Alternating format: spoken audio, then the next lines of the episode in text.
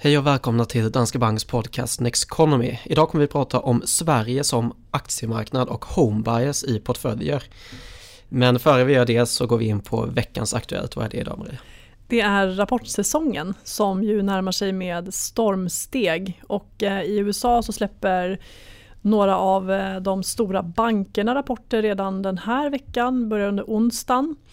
Man kan konstatera att vinsttillväxten återigen väntas bli hög, 20% i årstakt, det vill säga 20% högre vinster både för amerikansk och svensk del jämfört med för ett år sedan. Då. Men det beror ju också på att under Q1 förra året så stängde ju världsekonomin ner och därför så börjar vi nu få lättare jämförelsetal för bolagen. Då. Någonting som blir intressant här det är ju efterfrågan. Samtidigt som vinsterna väntas växa så Eh, och bolagen ser ljusare på framtiden så är ju frågan om de här hårda restriktionerna som vi faktiskt har haft för svensk och europeisk del då fått kännbara effekter på efterfrågan på kort sikt. Och en annan fråga, komponentbristen. Eh, Volvo till exempel har ju fått stoppa tillverkningen av lastbilar på grund av brist på halvledare, det vill säga elektriska komponenter. Eh, för leverantörerna har helt enkelt inte hunnit med att trappa upp produktionen i takt med att industrin då växlat upp väldigt snabbt och det här kan ju slå mot resultatet för bolagen. Då. Eh, just när det gäller Volvo då, så sa man i samband med att man gick ut och varnade för den här bristen att det kan bli tuffare och tuffare under andra kvartalet så att det är inte någonting som går över eh, här och nu men prognosen är ju förstås osäker eh, och det är klart att det är ett problem som så småningom kommer rätta till sig i takt med att produktionen då trappas upp igen. Men jag tycker det är intressant att pandemin har gjort det väldigt tydligt hur sårbara de här leverantörskedjorna är. Och just när det gäller halvledare då som är viktiga i allt från bilar till datorer, alltså all typ av elektronik, så är det ett ganska litet antal bolag som står för en stor del av tillverkningen. Och då när de inte har producerat tillräckligt så ser vi nu vad det leder till. Och det här skulle ju kunna vara en sån faktor som kan ge inte ett stort börsras såklart men eh, i alla fall ett litet hack i kurvan för vissa bolag beroende på hur allvarliga problemen blir då. Och det kanske är någonting som på, alltså kan få effekt på längre sikt också. Jag tänker innan hela coronakrisen så var det ju handelskrig var ju ganska uppe på agendan då mm. och vad det skulle få, få för effekter på global handel. Så på lite längre sikt så kan det vara en sån sak som kommer upp. Absolut och det, är, det är någonting som vi ser också. Halvledarbolagen ingår ju i den globala IT-sektorn. Så att en anledning till att vi gillar just IT-sektorn det är också att halvledarbolagen finns där. Och det man kommer se nu är ju att fler och fler bolag eh, kommer vilja bli självförsörjande. Det kommer förmodligen eh, etableras nya leverantörskedjor. Man kommer försöka hitta liksom alternativa leverantörer och så vidare. Och sen så ser man då hur viktiga de här bolagen är för så otroligt många olika branscher.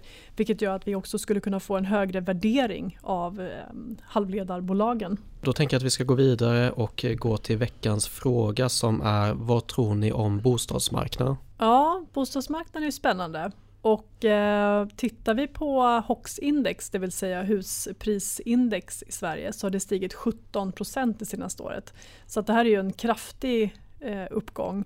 Och om vi kollar på hur det såg ut i mars-april förra året, prognoserna då för bostadsmarknaden, de sträckte sig från minus 5-10% till vissa banker som hade ett scenario på minus 15% eller mer. Och så kan vi konstatera att så blev det ju inte alls. Efter en initial dipp på några få procentenheter när det liksom fröst is så kom ju den här efterfrågan igång sen som gjorde att folk började få eh, man prioriterade sitt boende på ett helt annat sätt. Räntorna var låga, man plockade bort amorteringskrav med mera. Och vi har haft en enorm efterfrågan framförallt på hus då så att huspriserna har stigit 22 sista året medan bostadsrätter upp 9 Mm. Och det, ja men precis för det var ju fortfarande det var ju mycket osäkerhet där i februari-mars bara eh, generellt.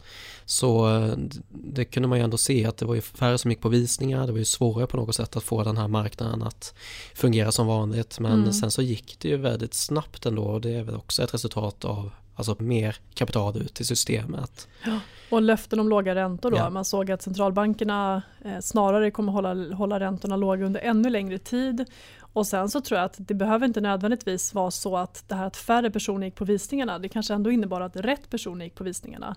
Så att de som verkligen var intresserade, de gick ju dit ändå. Och mäklarna var ju ganska snabba med att boka in slottider, köra digitala visningar med mera. Så att för de som verkligen var mm. intresserade så fanns ju all möjlighet faktiskt att se bostaden ändå. Men man kanske fick bort en del av de här som springer på massa visningar fast Ja. man inte tror att man ska köpa vissa bostäder. Fast skillnaden där är någonstans att då får du inte med de här extrema budgivningarna om man kollar på kanske då bostadsrätterna och sådär. Eh, Just att där har vi någon typ av, ja det, det finns både ångeraversion och FOMO och flockbeteende att när du väl dras in i en visning och det är många som är där och du börjar buda så vill du gärna vara kvar i den där budgivningen. Mm. Så- Sen är det ju ofta i och för sig, det är ganska få ofta som lägger bud. Man kan gå på, på visning, jag har ju letat bostad ett tag och varit på eh, tittat på objekt där det varit 130 sällskap intresserade och sen i slutändan så är det ändå bara två, tre stycken som faktiskt budar. Så att, eh, I vilket fall som helst så har man ju löst det på något sätt. Precis. Eh, och eh, omsättningen på marknaden har ju varit stor trots det här problemet med att ta in mycket folk på visningar. Och när man blickar framåt då så väntar vi oss att det här kommer hålla i sig ett tag till. Och vi tror att bostadsmarknaden förblir stark i år och att totalprisuppgången då för 2021 summerar till någonstans kring 9 eh, Eh, för att sedan då stabiliseras och utvecklas mer i linje med inflationen under 2022 så att då kanske man snarare pratar om 2 Mm, och det som skulle kunna få det här att förändras det är ju egentligen då att vi av någon anledning det blir så att Riksbanken börjar höja räntan igen och då är det ju om inflationen skulle stiga kraftigare än Mm. man kanske tänkt eller då att vi går in med någon typ av annan åtgärd. Det har ju varit snack om fastighetsskatt, att återinföra den till exempel. Mm, precis, eller man slopar ränteavdraget. Ja. Det skulle man förmodligen inte göra över en natt utan trappa ner i så fall. Eh, Men det här är ju några faktorer som skulle kunna sätta käppar i hjulet. Precis, bra. Då tänker jag att vi går vidare till eh, veckans ämne då som ju är den svenska aktiemarknaden och eh, den är ju i fokus om man är en global investerare med hemvist i Sverige för den svenska aktiemarknaden har gått väldigt starkt och då kan man ju fråga sig varför är det så? Ja, Stockholmsbörsen har ju slagit alla andra aktiemarknader i år i stort sett då. Och eh, vad beror det på då? Jo, Stockholmsbörsen har ju helt enkelt varit helt rätt positionerad. Det finns helt rätt mix av bolag här mot bakgrund av vad som hänt i, i omvärlden. Och det handlar ju om att industrin har förblivit väldigt stark. Vi har ehm, eh, mycket, bank, mycket industri och verkstadsbolag på Stockholmsbörsen. Och höjda prognoser då för svensk och global tillväxt och en stark industrikonjunktur har lyft den här eh, delen av börsen. Då. Sen har vi också haft en miljö med stigande räntor och eh, samtidigt som de framförallt stigit i USA så har det dragit med sig europeiska räntor upp. Och det här är ju positivt för bank och finans. Så att bankaktier då som har utvecklats svagt under en, en lång period där, inklusive eh, 2020 har ju fått något av en revansch. Så att den globala banksektorn stiger drygt 17% hittills i år och även svenska storbanker har gått bra. Eh, med SEB i toppen upp 27, 28% sedan eh, årsskiftet. Då. Så att Mm. helt enkelt helt rätt positionerad har Stockholmsbörsen varit för det som hänt. Ja exakt, för det är så vår sektorkomposition ser ut i Sverige, att vi har mycket industri och finans och då får ju det effekter och sen har vi också en ganska cyklisk valuta i Sverige. Så vi har på något sätt en dubbel effekt här nu då, att vi har en cyklisk aktiemarknad som gynnas av det här klimatet och också då att den svenska valutan stärks vilket gör att i perspektivet när man jämför med sina globala investeringar så kommer det bli en dubbelt positiv effekt på den svenska delen av portföljen. Mm. Sen eh, kan man väl konstatera att eh, det här att Stockholmsbörsen är cyklisk det har ju både för och nackdelar. Det är ju väldigt positivt i ett sånt här scenario där vi är på väg med eh, snabba steg ut ur en djup kris. Men det gör ju också att eh, nedsidan blir större när vi får en lågkonjunktur eller när det händer någonting. Och det handlar ju både om att vi har en hög andel cykliska bolag på börsen men också att Stockholmsbörsen är en, det är en liten högriskmarknad så att det blir kapitalutflöden härifrån när pengar då flyr till säkra hamnar som eh, dollar, amerikanska aktier, Eh, statsobligationer med mera vilket då spär på rörelserna för så små marknader, så en, en så liten marknad som Stockholmsbörsen. Mm. Sen så finns ju, om man ska gå tillbaka till mera så här portföljtänket så just nu så det finns det här fenomenet med närtidsbias då att man fattar framtida beslut baserat på vad som har hänt i den närmsta historiken. Och Svenska börsen har ju gått väldigt starkt under 2020 och 2021 så det är ganska svårt att motivera för sig själv nu då varför man ska ha en global exponering i portföljen. Men det är fortfarande så att, och också då, ja men tänk dig FOMO eller ångraversion om svenska börsen fortsätter gå starkt och vill man inte missa tåget så då är det också enklare att man fortsätter investera helt svenskt. Men problemet är ju det att man vet ju inte hur saker kommer utvecklas framöver och precis som du var inne på, vi är i en Alltså nu är vi i ett konjunkturläge som är väldigt positivt för den svenska börsen. Men det är väldigt svårt att säga om framtiden.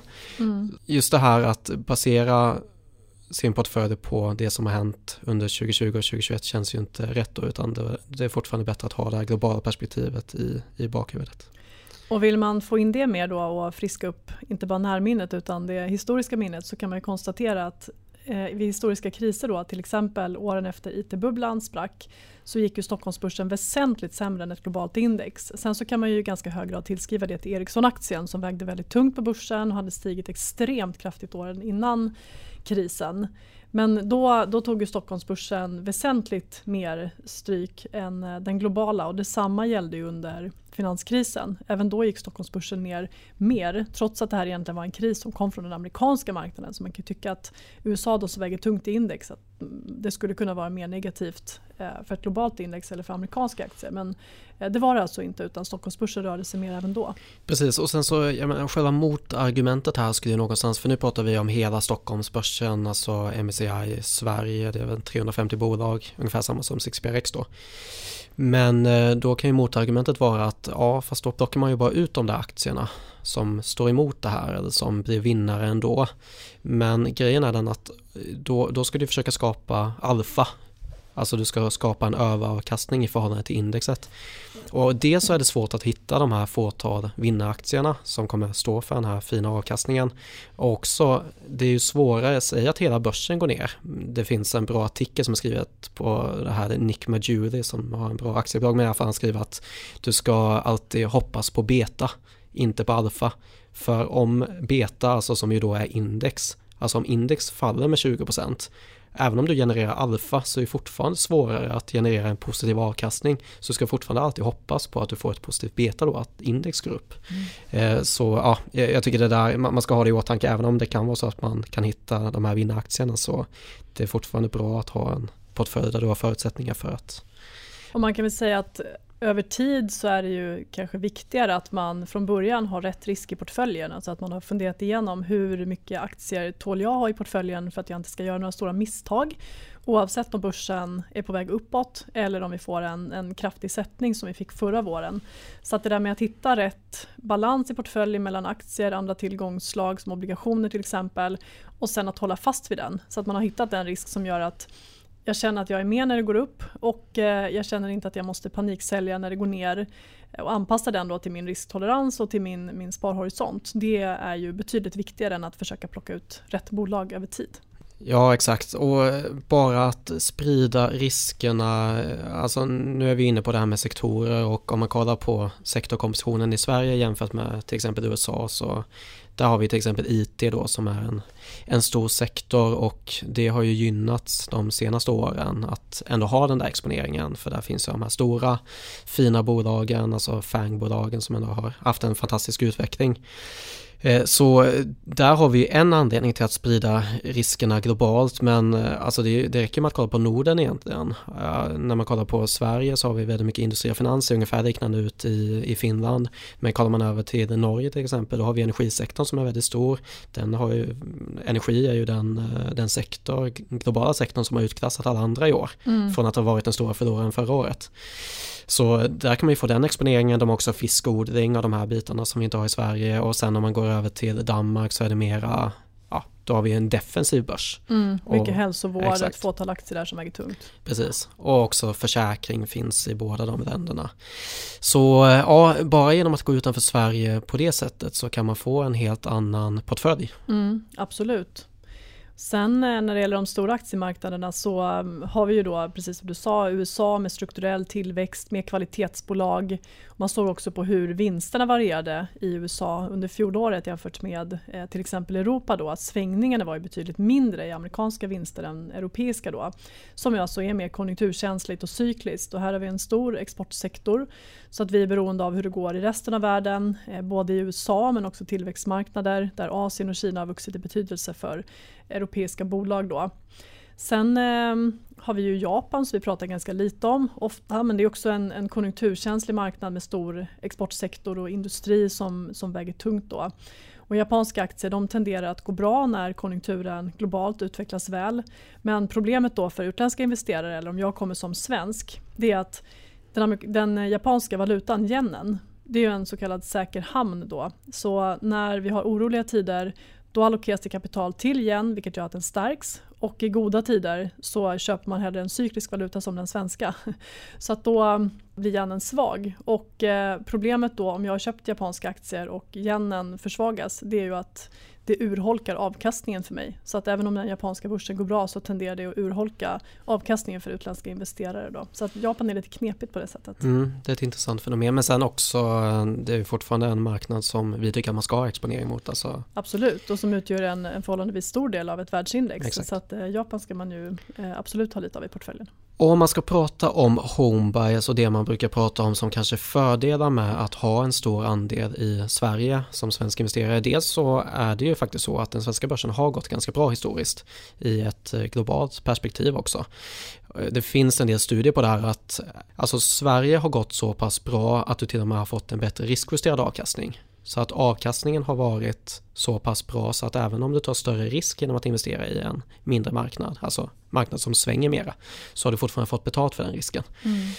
Men som sagt, det vet man inte om det kommer fortsätta framöver, men någonting som man alltid kan säga det är att genom att investera globalt så kommer du i alla fall sänka risken i portföljen. Och just det här som du var inne på tidigare, att ha rätt risk, det är väldigt viktigt för den avkastning som du kan få ta del av över tid för att du har mindre, eller mindre troligt ändå att du begår de här stora misstagen. Mm. Sen har vi ju då en annan komponent i det hela som också påverkar avkastningen på eh, såväl den svenska portföljen som den globala portföljen och det är ju kronan. För kronan kan ju också röra sig ganska kraftigt har vi upplevt de senaste åren. Eh, först en lång utförslöpa där kronan kontinuerligt försvagades och eh, som svensk sparare då, det var, ju, det var ju tufft att resa utomlands därför att vi fick mindre och mindre eh, för våra pengar när vi åkte till Medelhavet på semester. Men ur ett sparperspektiv så var det positivt. Dels därför att det är positivt för de svenska bolagen. Eh, tittar vi på exportsektorn då som till stor del säljer i, i utländsk valuta som euro eller dollar och sen så då växlar man över till SEK så lyfter det där marginalerna så att en, en svag krona är nettopositiv för Stockholmsbörsen. Men eh, sen så påverkar det ju vår avkastning på utländska tillgångar också. Så att har man en global portfölj där man också har amerikanska, europeiska aktier med mera.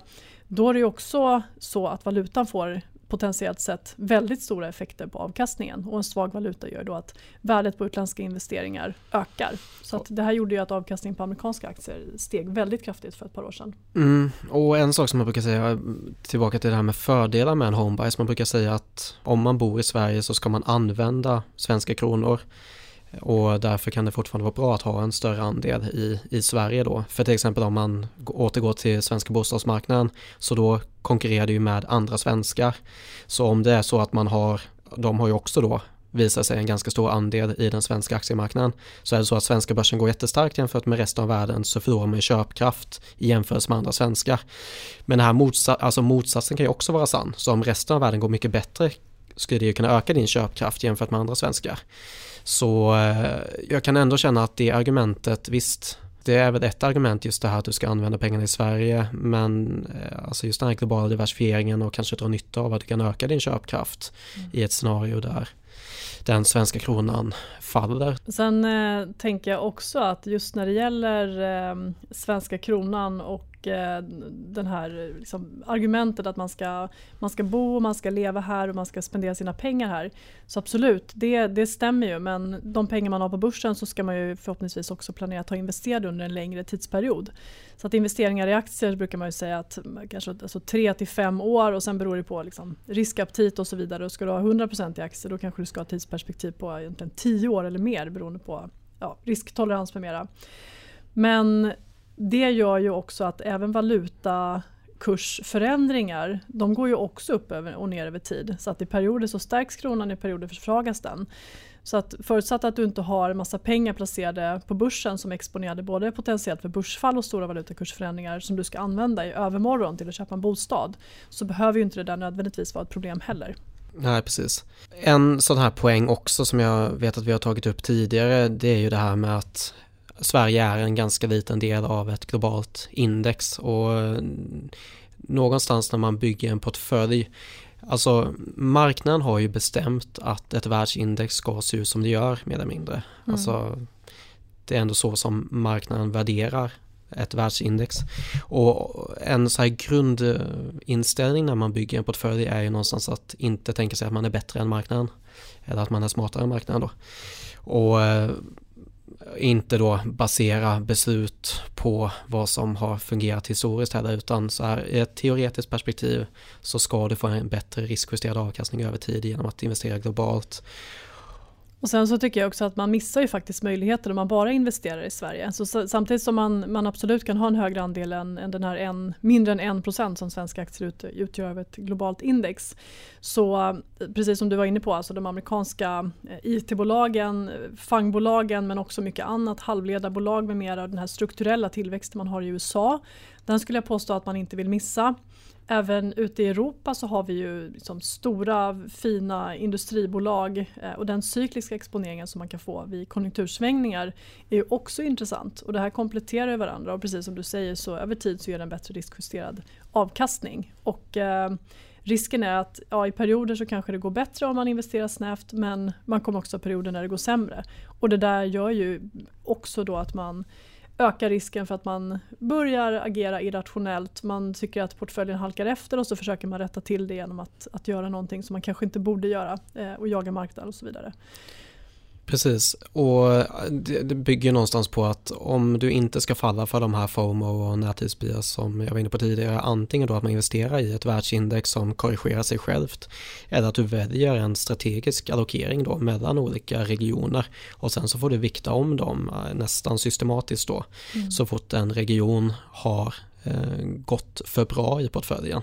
Och det där kan man göra med årsintervall eller hur man nu väljer att göra det i så fall. Mm, en enkel rebalansering, precis Exakt. som man kan göra mellan olika tillgångsslag också om börsen har utvecklats väldigt ja. starkt eller väldigt svagt för den delen. Precis, och för att inte dra, ta för mycket risk i ett tillgångsslag eller i en region. Mm. Och minska risken också för att man börjar, börjar tänka efter. Alltså då har man ju en regel att göra mm. det efter. Så att då minskar man risken för att man eh, helt enkelt gör fel och börjar titta i, i topplistan över vilken region som har gått bäst då och satsa för mycket på den. Precis. Och jag tycker att det för oss vidare till veckans tankefel. Och om man ska kolla på home bias då, så den evolutionära förklaringen är ju att vi är naturligt riskaverta, alltså vi försöker undvika faror och säkra vår överlevnad. Och då är det bättre att fokusera på det vi känner till istället för att gå ut i det okända, så i närområdet vet man var farorna finns. Men det är ju något av en paradox när det gäller investeringar för det känns mindre riskfritt att investera i det vi känner till men risken i portföljen blir större när du har en stor andel av portföljen i hemlandet som du då känner till. Så för att minska risken i portföljen ska du ju då bredda portföljen globalt som vi varit inne på. Eh, men sen kan jag också tycka om Morgan Housels argument eh, som han skriver om. Han menar att eftersom att investera i praktiken innebär att du ger bort pengar till en främling så är det viktigt att man känner sig trygg med vem man ger de pengarna till. Och är det så, då så att du känner dig mer trygg med att ja, investera eller ge de här pengarna till företag i ditt hemland så kanske det är det bästa ändå för det är ofta hur du agerar, alltså tilliten till din strategi när det börjar skaka på börsen, det är ofta det viktigaste för avkastningen över tid. Så jag menar vad du gjorde under mars månad förra året kan ha större betydelse för din avkastning de kommande åren än allt annat du gör. Så just den här en eller två månader i februari-mars kommer ha en jättestor effekt på avkastningen på lång sikt. Mm. Och det här beteendegapet som vi brukar prata om, skillnaden mellan investerares och investeringars avkastning baserat på hur vi agerar på börsen, det är estimerat till att vara mellan 1-4% procent per år ungefär, beroende på vilken studie man tittar på. Eh, så alltså just det här förtroendet för strategin är viktigt, men att ha en portfölj som svänger mindre i de här osäkra tiderna, det är också en sak som gör att man kan minska de här känslomässiga besluten. Mm. Så någonstans en globalt diversifierad portfölj är ju det man ska utgå ifrån även om vi har den här tendensen att vilja fokusera på det vi känner till. Då. Mm. Klokt. Jag tycker att det får eh, vara veckans tankefel och det får avrunda podden då. Eh, ställ gärna frågor i vårt frågeformulär i avsnittsbeskrivningen och kom med förslag på ämnen som ni vill att vi tar upp. Eh, ni får gärna gå in på nexteconomy.se som är vår nyhetssajt där ni både hittar filmer, poddar, senaste nytt om vår marknadssyn och en massa annat spännande. Nästa avsnitt kommer om två veckor igen så vi tackar för att ni har lyssnat den här gången och så hörs vi igen då. Mm, tack och ha en fin vecka.